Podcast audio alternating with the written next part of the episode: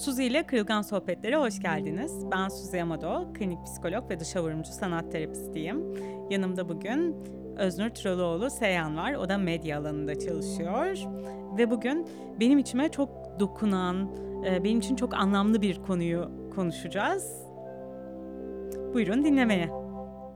Bugün ilk soru benden çünkü tam olarak senin alanını konuşuyoruz. Ee, ben de psikoloji okudum, sen de psikoloji okudun. Ben hiçbir zaman aktif olarak bunu yapmadım. O yüzden biraz dışarıdan bakıp e, bu soruyu soruyorum sana aslında. Türkiye'de ya da dünyada varsa böyle bir şey, psikoloğa gitmek neden bir tabu hala? Tabu mu ya da? yani bazı kesimlerde tabu, bazı kesimlerde değil. Nedenine emin değilim ama şöyle bir şey var. Sanki insanlar kendi sorunlarını kendileri çözebilmeleri gerektiğine inanıyorlar. Yani nedense işte başımız ağrıdığında o baş ağrısını kendimiz geçirebilmemiz gerektiğine inanmayıp bir ilaç alıyoruz. İşte acıktığımızda kendi karnımızı doyurmayı vücudumuzun salgılayacağı bir şeyle yapmamız gerektiğine inanmayıp yemek yiyoruz. Ama bir şekilde ruhumuz kesildiğinde, kalbimiz kırıldığında ve bununla baş edemediğimizde bunu kendisi yapabiliyor olmayı bir statü, yapamıyor olmayı da bir zayıflık. Eksik, zayıflık. Evet. Yapamıyor olmayı da bir zayıflık olarak görüyor insanlar bazen. Ve böyle görünce de çok zorlanıyorlar. Yardım almak ister misin dediğinde yok ben bunu kendim çözmek istiyorum diyorlar. Hı hı. Ve sanki yardım almak ayıp bir şeymiş gibi oluyor. Ya da arkasından birisi o zaten psikoloğa da gidiyor. Hı. Diyecek. Bir yaftı oluyor bir etiket haline geliyor. Evet böyle bir etiketleneceğinden korkuyor.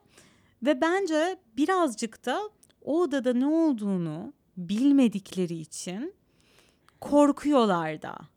Yani o en kırılgan halimizle kendimiz oturmakta zorlandığımızda ya da o en çiğ halimizle kendimiz oturmakta zorlandığımızda bunu başka birine söylemek zor bir şey. Ve hani orada ne müdahale yapılacağını bilmiyor olmak da zor bir şey. Hani e, iğneden korkan çocuk gibi aslında çok acımıyor belki ama çocuk o kaygıyı öncesinde çok yaşıyor. Ve hani bunun için erteliyor işte gitmeyelim diye ağlıyor yok saymaya çalışıyor ya da doktora giderken işte mesela diyorlar ki kulağının içine bakacağız ve o aleti sokturmuyor sokturmuyor sokturmuyor. Sonra aslında canı da acımıyor ama bir şey oluyor. Sanki öyle bir kısım da var yani. Odanın içinde olan şey çok gizemli geldi ve hani ne olduğu bilinmediği için de sanki birazcık çekiniyor insanlar gelmeye. Ben bunu şöyle deneyimliyorum. Ben bu eğitimi aldığım için benim için terapiye gitmek e, ne olursa olsun, mesleğin ne olursa olsun çok normal ve çok güzel, e, çok ihtiyaç duyulan, çok yaraya merhem bir şey.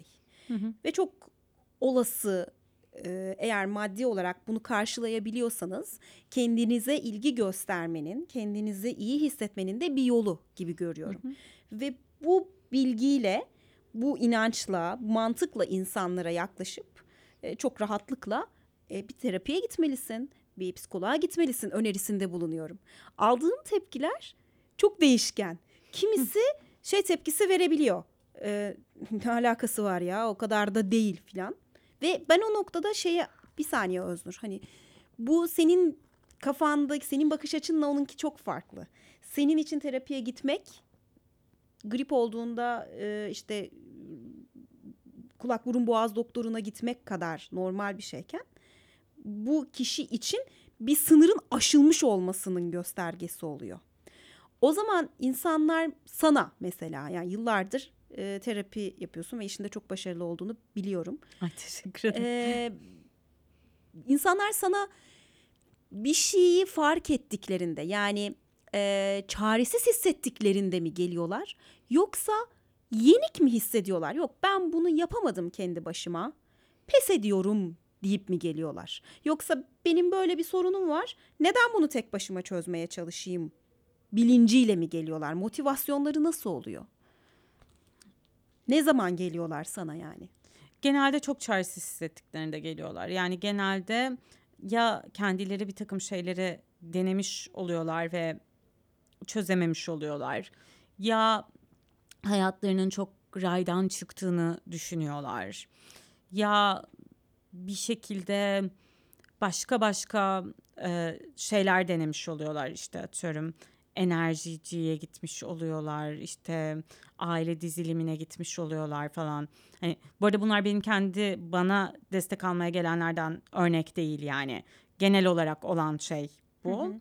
Ee, ve ondan sonra hani aslında daha düzenli bir süreç yaşamaya karar verip geliyorlar ya da hani diyorlar ki ben işte şu anda birazcık rahatım ve bunları çözmek için vaktim, zamanım, e, vaktim ve naktim var diyorlar ve o zaman geliyorlar.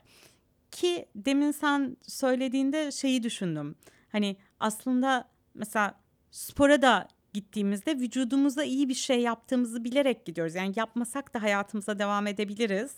İşte ama iyi bir hocadan ders alıp o çalışmayan kaslarımızı güçlendirmek falan. Hani bunlar bize iyi geliyor ve böyle ah kendime iyi bir şey yapıyorum diyoruz. hani ben gitmiyorum spora falan da maalesef. Keşke gitsem yani. Ee, aslında terapiye gitmeye bence öyle de yaklaşılabilir. Hani ben kendi iç haya iç dünyam için bir yatırım yapıyorum. Ve kendi içime bakıyorum. Orada hani bir şekilde derleme, toplama, düzenleme, ferahlama operasyonları gerçekleştiriyorum gibi. Ama genelde kişilerin geldikleri zaman artık çaresiz hissettikleri zaman oluyor. Yani ya işte böyle bir radikal hayat olayı yaşamış oluyorlar ya işte bir ayrılığın eşiğinde oluyorlar ya yani böyle bir bir kayıp oluyor ama bir radikal ya da radikal de yanlış kelime oldu. Sıra dışı bir hayat deneyimi yaşamış oluyorlar. Yani kendi dengeli hayatları savrulmuş oluyor. Bir işaret bekliyorlar yani gitmek evet. için. Bu noktada biraz da herhalde o bahsettiğin bilmeme durumuyla alakalı. Çünkü şey gibi bakıyoruz. Bir problem yaşadım başıma kötü bir şey geldi. Kalbim kırıldı. Sevgilimden ayrıldım. Eşimden ayrıldım. Ya da bir kayıp yaşadım. Hı hı. O zaman ben bunu gideyim. Bir işte tam olarak terapistle psikiyatrist arasındaki farkı da çok az kişi biliyor zaten. Hı hı. Gideyim bunun doktoru neyse ilacı neyse alayım. İki seans hani gideyim ondan sonra tamam iyileştim geldim paket program olarak.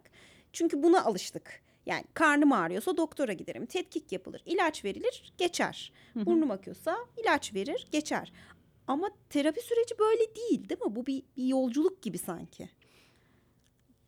Genelde böyle değil evet. Genelde daha yolculuk. Belki hani bir parça terapi odasında ne oluyor ondan da bahsedebiliriz. Hani çünkü insanlar gerçekten geliyorlar ve anlatacaklar ne anlatacaklarını bilemiyorlar, nasıl ifade edeceklerini bilemiyorlar, ne bekleyeceklerini bilemiyorlar. İdeal şartlarda bir terapi odasında iki kişi e, karşılıklı belki bir parça açıyla karşılıklı otururlar. Mümkünse arada böyle masa falan gibi bir şey olmaz. Birisi masanın arkasında birisi masanın önünde olmaz. Ve aslında sohbet ederler. Yani bu bir e, sorgulama havasında da geçmez. Şimdi bana çocukluğunu anlat.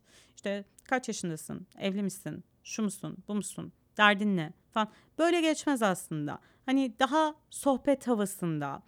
Terapistin oradaki görevlerinden ya da işlevlerinden birisi aslında gelen kişiyi rahatlatmaktır da. Yani konuşurken böyle değerlendirildiğini hissetmemesi zıttına kendisi olmak için bir alan da olduğunu yani ona kendisi olması için bir alan açıldığını hissetmesidir bizim aslında istediğimiz şey ve çok değişim odaklı bir şey değildir terapi. Yani terapi birçok insanın hayatını değiştirir.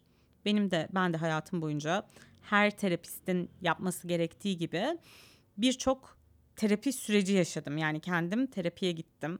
Farklı ekollerden terapistlere gittim ve hani bana en iyi gelen şeyleri ben de uyguluyorum. Fakat burada terapiye gittiğin zaman aslında değişmek için değil de kendin olmak için gidersin. Çünkü olduğun şeyde bir sıkıntı olmadığını anlamak ilk başta önemlidir. Örnek veriyorum ben mesela şişman bir insanım ve ben işte eğer vücut algımla ilgili terapiye gidiyorsam terapistin işi bana zayıflamamda destek olmak değildir.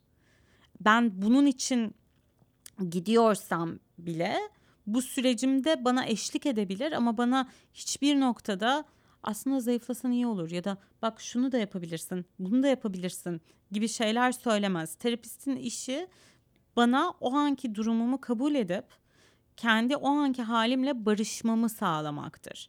Çünkü ben kendi halimle barıştığım anda, kendi içimde verdiğim kavgayı sonlandırdığım anda, kendi içimde verdiğim kavgaya harcadığım enerjiyi ruhum iyileşmeye harcamaya başlar. Çözüm odaklı daha değil mi? Çözüm mü buluyor?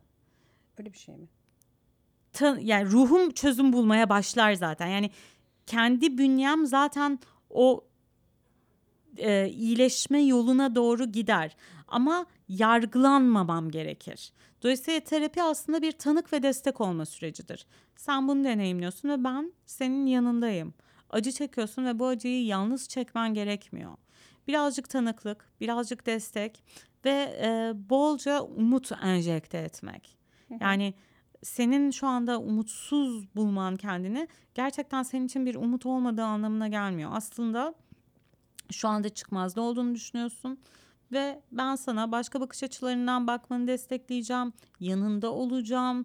Şu içinde ne olduğunu tam olarak anlamana yardımcı olacağım ve kendi kendine zaten sen o çıkmazda olma hissinden kurtulacaksın. O his dönüşecek. Aslında böyle bir şey terapi odası.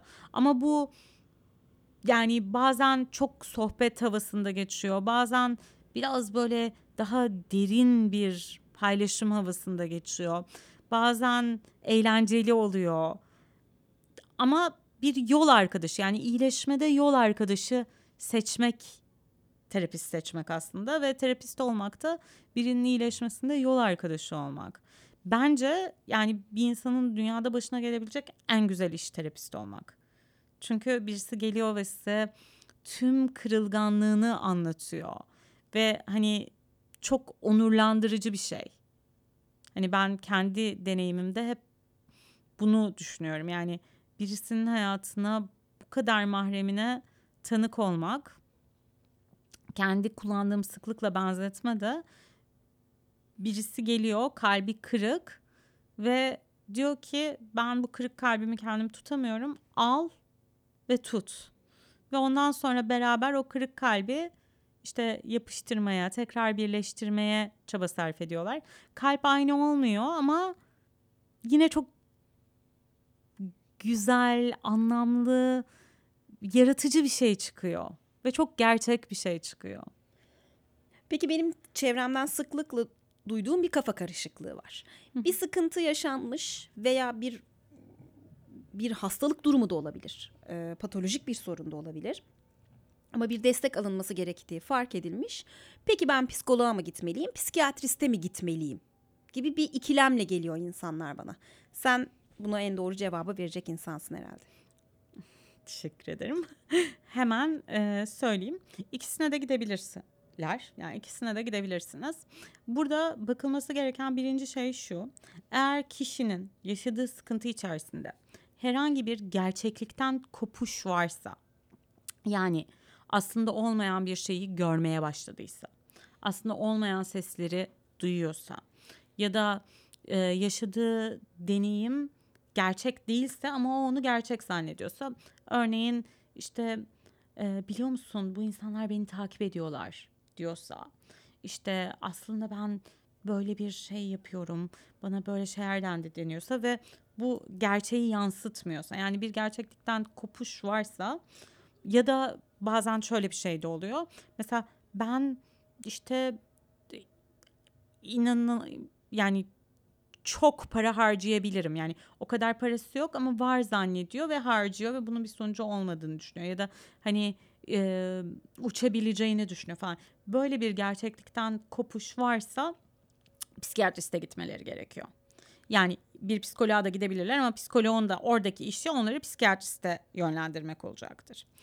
Onun dışında e, hayat olayları için psikoloğa ya da psikiyatriste gidilebilir. Burada şunu da söyleyeyim. Psikiyatristler 6 yıl tıp eğitimi alıyorlar. Ondan sonra psikiyatri asistanlığı yapıyorlar. Sanki 5 yıl ama emin değilim. Ama 4 ila 6 yıl arası bir psikiyatri asistanlığı süreçleri oluyor. Bu sürecin içerisinde genelde bazı terapi tekniklerini uygulamayı öğreniyorlar ve birçok psikolojik ve psikiyatrik rahatsızlığı tedavi etmeyi öğreniyorlar. Dolayısıyla onlar biraz daha sen bir sorunla geldin ben şimdi sana bunun çözümünü söyleyeceğim odaklı olabiliyorlar. Hepsi böyle olmuyor ama bir parça daha buna yakın olabiliyorlar. Ve ondan sonra e, profesyonel psikiyatrist olarak çalışmaya başlıyorlar. Ve daha sonra profesyonel psikiyatrist olarak çalışmaya başlıyorlar.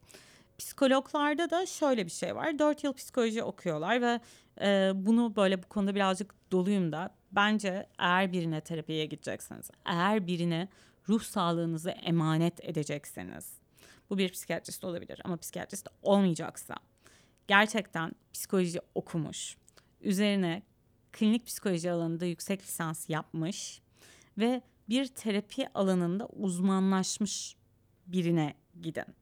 Çünkü birçok insan var psikoloji okumuyorlar ama klinik psikoloji yüksek lisansı yapıyorlar. Ve ondan sonra yeterli altyapıları olmadan uygulama yapmaya başlıyorlar. Birçok e, koç, enerjist, şifacı var. Bu insanların hepsi kötü şeyler yapıyor demiyorum. Öyle bir iddiam yok. E, düzgün çalışanlar da var elbet aralarında. Ama e, belki bir sonraki yani programın kalanında bir noktada birinin düzgün olduğunu nasıl anlarsına da bir parça değinebiliriz. Ama gerçekten hani doktor olmayan birine ameliyat yaptırıyor muyuz? Ehliyeti olmayan bir taksi şoförünün taksisine biniyor muyuz? Gerçekten bir ehliyeti olmalı birinin ruh sağlığıyla çalışmanın diye inanıyorum. Eğer bir şöyle bir grup var. Eğer yurt dışında ülkemizde bunların yüksek lisans programları olmadığı için söylüyorum. Yurt dışında sanat terapisi, dans terapisi, müzik terapisi falan gibi bir şeyin yüksek lisansını yaptılarsa ve bir yerden bunu uygulamak için lisans aldılarsa o zaman gidilebilir. Ama orada da hani senin bunu şu ülkede uygulama lisansını ben görmek istiyorum demek lazım.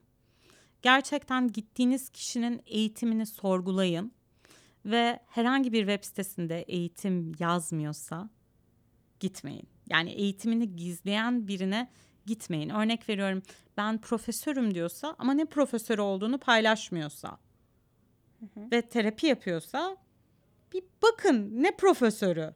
Hı hı. Mühendislik profesörü çıkabilir yani. Evet var böyle örnekler biliyorum. Ee, dolayısıyla eğer gideceksin e, ya psikiyatriste ya bir klinik psikoloğa terapi eğitimini almış gitmek gerekiyor.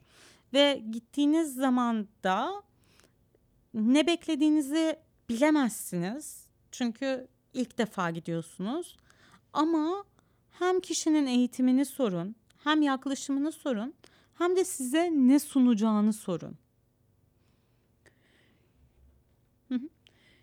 Şimdi bence çok önemli bir soru bu. Çünkü şimdi soracağım soru genelde ilk kez gidenler hep bununla karşılaşıyorlar. Hı hı. Terapist ve danışan hı hı. arasında bir elektrik, bir uyuşma gibi bir şey var mıdır? Bunu beklemek mi gerekiyor? Bunun bir süresi var mı? Çünkü şunu çok duyabiliyorsun insanlardan. Gittim, hiçbir şey yapamadım. Yani bir sevmedim. Rahat da edemedim. Dinledi dinledi hiçbir şey yapmadı. Ee, hiç yani böyle hoşlanmadım onu anlatmaktan falan gibi. Yani bir elektrik bir kişi için doğru e, terapist diye bir şey var mı? Yani şeyi biliyorum hani ne bileyim kimisi için erkek terapist, kimisi için kadın terapist. Belki böyle ayrımlar var ama onun dışında ya benim enerjim tutmadı gibi bir şey var mı gerçekten? Var. Ve bence çok önemli. Ve bu konuda bence hem terapistin hem de terapiye gelen kişinin e, çok bilinçli olması gerekiyor. Tabii ki bu bilinçlendirmeyi yapmak terapistin görevi. Yani terapiye gelen kişileri biz şimdi hani gelmeyi düşünen kişileri biz şimdi bilinçlendirelim ama e, esas mevzu burada terapistin bu konuda etik ahlaklı davranması. Şöyle gerçekten benim birinci kriterim ben içtenlikle sevmediğim ya da sevme potansiyeli görmediğim birini bana terapiye gelecek kişi olarak almam. Ben danışan kelimesini çok sevmiyorum. Çünkü hani o danışan ve ben bilge gibi olmayı sevmiyorum. Yani gerçekten bir yol arkadaşlığı olsunu daha çok seviyorum. Bazen ağzımdan kaçıyor danışan ama genelde terapiye gelen kişi kelimesini daha çok seviyorum. Kendimi daha üst yere yerleştirmeyi sevmediğim için. Ve gerçekten terapi odasında da yerleştirmemek için çok emek verdiğim için. Benim birinci şeyim hakikaten e, kanım ısınmıyorsa ya da hani kanımın ısınma potansiyeli görmüyorsam görmüyorum. Bu şu demek değil yani gelen kişiye bayılıyorum geldiğimde aman Allah'ım bu harika bir insan Arkadaş diyorum. oluyorum. değil. Evet ama genelde en azından ben kendi kitlem için söyleyebilirim ki e, çok farklı yaş gruplarından insanlar görüyorum. Ama hepsi farklı şartlarda tanışsaydık arkadaş olmak isteyeceğim insanlar. Yani hepsiyle geliştirdiğim ilişkide hiçbiriyle arkadaş değilim. Ama e, hepsiyle geliştirdiğim ilişkide yani aslında bir kahve içmek de çok keyifli olabilirdi. Ya da hani o yakınlığı, o şeyi hissediyorum. Tabii ki kendi derdimi gidip anlatmıyorum terapi odasında ya da işte bu terapistlik ters dönmüyor yani gidip hani şimdi sen bana bir danışmanlık ver falan demiyorum. Ama gerçekten seviyorum ve bence bana gelen kişi de ya da herhangi bir terapiste giden kişi de sevilip sevilmediğini hissediyor. O yüzden siz yargılanmadığınızı hissediyorsanız, bu kişinin terapistin sizi önemsediğini hissediyorsanız ve gerçekten elektriğiniz tuttuysa devam edin. Ve tutmadıysa yani direkt sevmediyseniz zaten başka birine gidin. Terapiye küstmeyin, terapisti değiştirin. Peki bunun bir sabır ölçüsü var mı? Mesela kaç ilk seansta anlaşılabilecek bir şey mi bu? Bence ilk seansta sevmediyseniz zaten başkasına gidin. Yani hiç hani ilk seansta o ne ya falan diyorsanız zaten başkasına gidin. Atıyorum mesela bana gelen birisi benim ilk seansımdan sonra şey diyebilir. Hani kadın rahat ve muhabbete kayabiliyor diyebilir. Çünkü ben gelen kişiyi rahatlatmak için bir parça gündelik hayat muhabbetine giriyorum. Ve bunun için seansı uzatıyorum. Hani onun zamanından çalarak yapmıyorum bunu. Hani ben biraz daha ciddi birini istiyorum diyebilir. O zaman daha ciddi birine gitsin. Gitmeli zaten. Yani bu senin tarzın. Başka tarzda da yapanlar var. var. Dolayısıyla ilk seansta sevmiyorsa direkt değiştirsin. İlk seansta gidip değişik geldi ama karar veremedim diyorsa da bence 2-3 seans versin. Çünkü burada şöyle bir şey var. Yani ben e, hani kişi sorguluyorsa hani size gelmem uygun mu değil mi emin olamıyorum falan filan. Terapistin çok da böyle e, işte bir 6 ay çalışalım sonra anlayacaksınız ya da sonuç göreceksiniz. Karar vermek için bir 3-4 ay gelin demesine ben çok doğru bulmuyorum. Çünkü çok pahalı bir hizmet bu. Ama şöyle de bir şey var. Sonuçta ilk defa gidenler için söylüyorum. Hı hı. Gidiyorsunuz tanımadığınız bir yerde, tanımadığınız bir şeye gerçekten en mahrem sırlarınızı bazen anlatıyor oluyorsunuz. En kendinizle bile, yani kendinizin bile yüzleşemediği bir takım ne bileyim korkularla, hayal kırıklıklarıyla yüzleşemediğiniz şeyleri hiç tanımadığınız birine anlatıyorsunuz.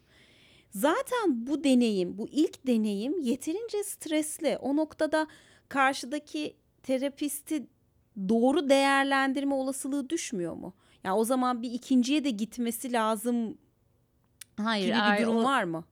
E, o evet çok stresli bir şey doğru. Fakat o stresli şeyin içerisinde e, siz kendinizi yargılanmamış hissediyorsanız. Yani bu tüm hayatınızı anlatabilen, kendinizi rahat hissedin, terapistinizle bayılın demekten bahsetmiyorum. Ama mesela terapist sizi çok zorluyorsa ve bundan rahatsızsanız tekrar oraya gitmenize gerek yok. Çünkü o terapist sizi tekrar zorlayacak. Ya da bu geri bildirimi verdiğinizde hala zorlamaya devam ediyorsa. Yani bir şekilde o klikleme oluyor ya da olmuyor bence terapiste danış terapistle terapiye gelen kişi arasında. Ve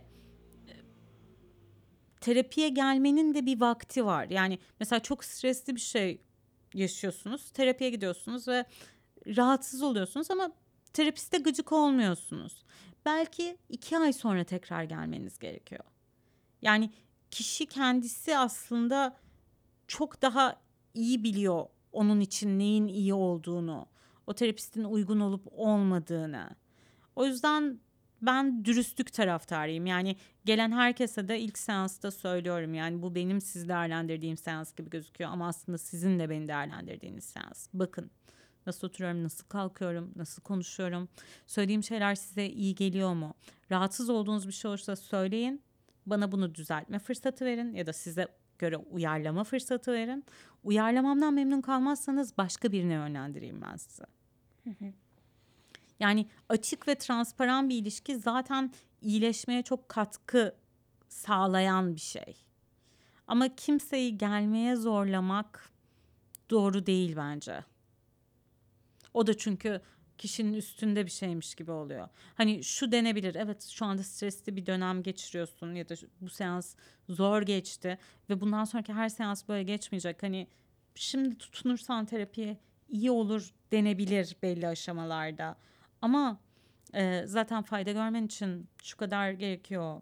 İşte bir bak bakalım değil. E, her terapiye giden kişinin terapiyi istediği anda bırakma hakkı var ve bence bunun belirtilmesi gerekiyor. Ve kişi bırakmaya karar verdiğinde ona kendini suçlu hissettirmemek istiyoruz. Ee, ilk başladığında sen dedin ya hani neden bu bir tabu diye. Bazen insanlar terapiye gittiklerini söylemekten, paylaşmaktan utanıyorlar. Ve bazen terapiye gitmekten de utanıyorlar. Bazen terapiye gitmeye ihtiyaçları olmasından da utanıyorlar. Ve bence burada ciddi bir sıkıntı var. Yani bunda utanılacak hiçbir şey yok. Gerçekten aslında nasıl elimiz kesildiğinde ona bir müdahalede bulunuyorsak ruhumuz kesildiğinde de ona bir müdahalede bulunabiliriz. Ve utançla ilgili şöyle bir durum var. Utanç utanç sır, sessizlik ve yargılama ortamında büyüyor. Yani sen utandığın şey bir sır haline geldiyse ya da getiriliyorsa yani terapiye gidiyorum ama söylememem lazım diyorsan bu terapiye gittiğinizde tüm dünyaya anlatın demek değil. Sadece sır gibi deneyimlemeyin. Hani benim özel alanım gibi deneyimleyebilirsiniz. Ee, sessizlik sessizleştiriliyorsanız bu konuda hani birileri gelip size diyorsa ki terapiye gittiğini anlatma çünkü falan gibi ya da siz kendi kendinizi sessizleştiriyorsanız yargılanıyorsanız o zaten terapiye gidiyor gibi ya da siz kendi kendinizi yargılıyorsanız bu ortamlarda utanç büyüyor. Hı hı. Ve utancın pan zehiri empati. Hı. Yani utanç duyduğunuz anda aslında hikayenizi dinlemeyi hak etmiş birine gidip hı hı. ben şu an bir utanç anı yaşıyorum. Atıyorum terapiye gitmek istiyorum ama bunu paylaşmaya korkuyorum. Ya da ben terapiye gidiyorum ve terapiye gittiğimi söylemek istemiyorum. Ya da terapiye gideceğim ama gidemiyorum. Yardıma ihtiyacım olduğunu biliyorum ama çok utanıyorum gibi bir an yaşıyorsanız. Ya da hayatınızın herhangi bir deneyimine dair utanç yaşıyorsanız gidip bunu hikayenizi dinlemeyi hak etmiş birine, bu da sizi yargılamayan, sizi doğru düzgün dinleyebilecek birine ben bir utanç anı yaşıyorum. Bana bir doz empati verir misin? o nasıl yapacak onu? İşte empati yapmayı bilen birini bir doz empati. Aynen bir doz empati verir misin? Ve o empatiyi aldığınız zaman o utanç zaten e, yavaş yavaş erimeye başlayacak. Çünkü utanç empati ortamında varoluşunu sürdüremez. Ve belki terapiye gitmenin kriterlerinden birisi de bu. Yani hani bu durum yoksa terapiye gitmenize gerek yok anlamında demiyorum ama eğer utanç duyduğunuz bir şey varsa ve bunu yakınınızda biriyle hikayenizi dinlemeyi hak ettiğini düşündüğünüz biriyle bile paylaşamıyorsanız bir terapiste gidip profesyonel empati almak ki bence terapi kelimenin tam anlamıyla bir empati, kabul ve tanıklık süreci, Hı. Servisi diyebiliriz. Bunu profesyonel olarak almak iyi bir fikir olabilir. Ee, tabii ki sürekli bir terapiste evli olmadığımız sürece beraber olamıyoruz. Her şeyi danışıp soramıyoruz ama mesela senin bir kitabın var ve ben çok seviyorum o kitabı. Hı hı. Adını e, özellikle seviyorum çünkü tam olarak içini yansıtıyor. Tam olarak içimizi yansıtıyor. Adı Teşekkür Ruhuna ederim. Pansuman. Ruhumuzun pansumana ihtiyacı oluyor. Değil mi? Ne anlatıyorsun kitapta? Dinleyenlere anlatalım. Aslında kitap Şimdi podcast'in buraya kadar olan kısmını birazcık baltalıyor. hani terapiye neden gidilmeli, terapist ne yapar falan bunları anlattıktan sonra aslında kitabı ben şunun için yazdım. Ama o evdeki ilk yardım kutusu gibi. Aynen. Yani evde ilk yardım kutumuz var diye doktora gitmekten vazgeçmiyoruz sonuçta. evet. Ama o ilk yardım kutumuz var evde ve uygulamayı biliyoruz genelde. Fakat bence duygusal ilk yardımı genelde uygulamayı bilmiyoruz ve aslında birçok sorun doğru müdahaleler uygulandığı zaman ki bu bahsettiğim müdahaleler hepimizin birbirimize ve kendimize uygulayabileceği müdahaleler. Doğru müdahaleler uygulandığı zaman derinleşmiyor ve terapi desteği almayı gerektirecek hale gelmiyor. Aslında kitapta birazcık bunları anlatıyorum. Yani hani ben nasıl kendi hayatımda zorlandığım zamanlarda kendi kendime destek olabilirim. Bunun için de birkaç şey gerekiyor. Bir tanesi kendime iyi bakmak. Yani ben bana ne iyi geliyorsa bunu biliyor olmak ve uyguluyor olmaktan sorumluyum. İkincisi empati ki demin dedim hani terapi de çok temelde empati üzerine kurulu bir şeydir. Bana kimler empati gösterebiliyor ve ben zor bir deneyim yaşadığımda bana empati gösterebilecek birine gidebilir miyim? Gidebilirim ve kime gidebilirim? Bunu bilmek ve bunu düzenli yapıyor olmak. Üçüncü temel uygulaması da mindfulness. Onu şimdi anlatmayacağım ama birkaç önceki podcast'imizi dinleyip mindfulness'la ilgili birçok şeye, bilgiye ulaşabilir dinleyicilerimiz. Bir bu üç unsuru var. Gerçekten bunları düzenli uyguluyor olmanın çok iyileştirici bir tarafı var.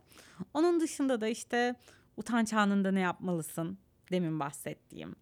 İşte kaygıda ne yapılabilir? Böyle düşünce sarmallarında kayboluyorsan ne yapabilirsin? Gibi e, kendini yalnız hissettiğinde ne yapabilirsin? Kendine nasıl şefkat gösterebilirsin gibi böyle ufak ufak hani ah böyle bir durum olduğunda bunu yapabilirim. Şöyle bir durum olduğunda bunu yapabilirim. Tadında bir kitap. Ben kendi deneyimimi anlatayım kitapla ilgili. İlk elime aldığımda ki e, böyle basılmadan önce evet. a, alma şansına erişmiştim. Bir kere çok hızlı ve çok kısa sürede okunan bir kitap. E, ve ilk aldığımda böyle şaşırmıştım. Hiç öyle bir e, kitap beklemiyorum. Çünkü zaten hani psikoloji o, okuyoruz, okuduk. Hani ders kitapları şunlar bunlar böyle ağır metinler, işte bilgi içerikli e, şeyler öyle bir şey bekliyorum. Ama böyle çocuk kitabı gibi bir şey çıktı karşıma ve insan ilk önce şey oluyor ya. Bu ne ya yani nasıl resim falan ne, ne alaka? Çünkü alışmamışız öyle bir şeye. Ama sonra oradaki o minik minik ilk okuduğunda hatta böyle insanın yüzünü gülümseten bunu nasıl yapacağız olur mu canım falan diyecek ama çok basit çok küçük tüyolar var ve böyle nokta atışı yani nokta atışı direkt e, o durumu özetleyen ve çözüme de götüren şeyler oluyor. Ben çok keyif almıştım. Yani çok kısa bir sürede böyle bir iki saat içerisinde okuyup bitirebiliyorsun kendini şey yapıp ama zaten anladığım kadarıyla okuyup bitirmek değil önemli olan onları uygulamaya geçirebilmek. Çünkü hiç düşünmüyoruz gerçekten ilk yardım, duygusal ilk yardım kavramı ilk duyduğumda bile beni çok etkilemişti. Çok güzel bir terim bence. Bence de öyle ve yani kitapta anlattığım şeyler bende işe yarayan şeyler. Yani ben de kitabı yazarken aslında böyle bir sağlık sıkıntısı geçiriyordum. Çok ciddi bir sıkıntı değildi ama e, evden çok az çıkabiliyordum, çok yorgundum ve o dönem bana iyi gelen şeyleri toparlamak istedim. Böyle bir eğitim tasarladım. Eğitimi tasarlayınca eğitimi verecek hale fiziksel olarak gelmediğim için e hadi dedim Bir de bunun kitabını yazayım ben. Öyle öyle çıktı. Sonra e, ben sanat terapistiyim, üzerine sanat ekleyeyim falan. Bence kitabın insanlara dokunmasının temel sebebi gerçekten ben bunun işe yaradığına içtenlikle inanıyorum. Ve kitapta söylediğim her uygulamayı tabii ki kendim yapmadım. Ama çoğunu yaptım. Hı hı. Ve davetim hep terapide olduğu gibi kitapta da işinize yaradığı kadarını alın. Yaramıyorsa başka bir şeye kayın ama kendinizi iyileştirme niyetinizden vazgeçmeyin. Çok teşekkür ederim. Bence çok keyifli bir program oldu ve böyle değişik de oldu benim için hani. Teşekkür ederiz. Aynen. Çok teşekkürler efendim.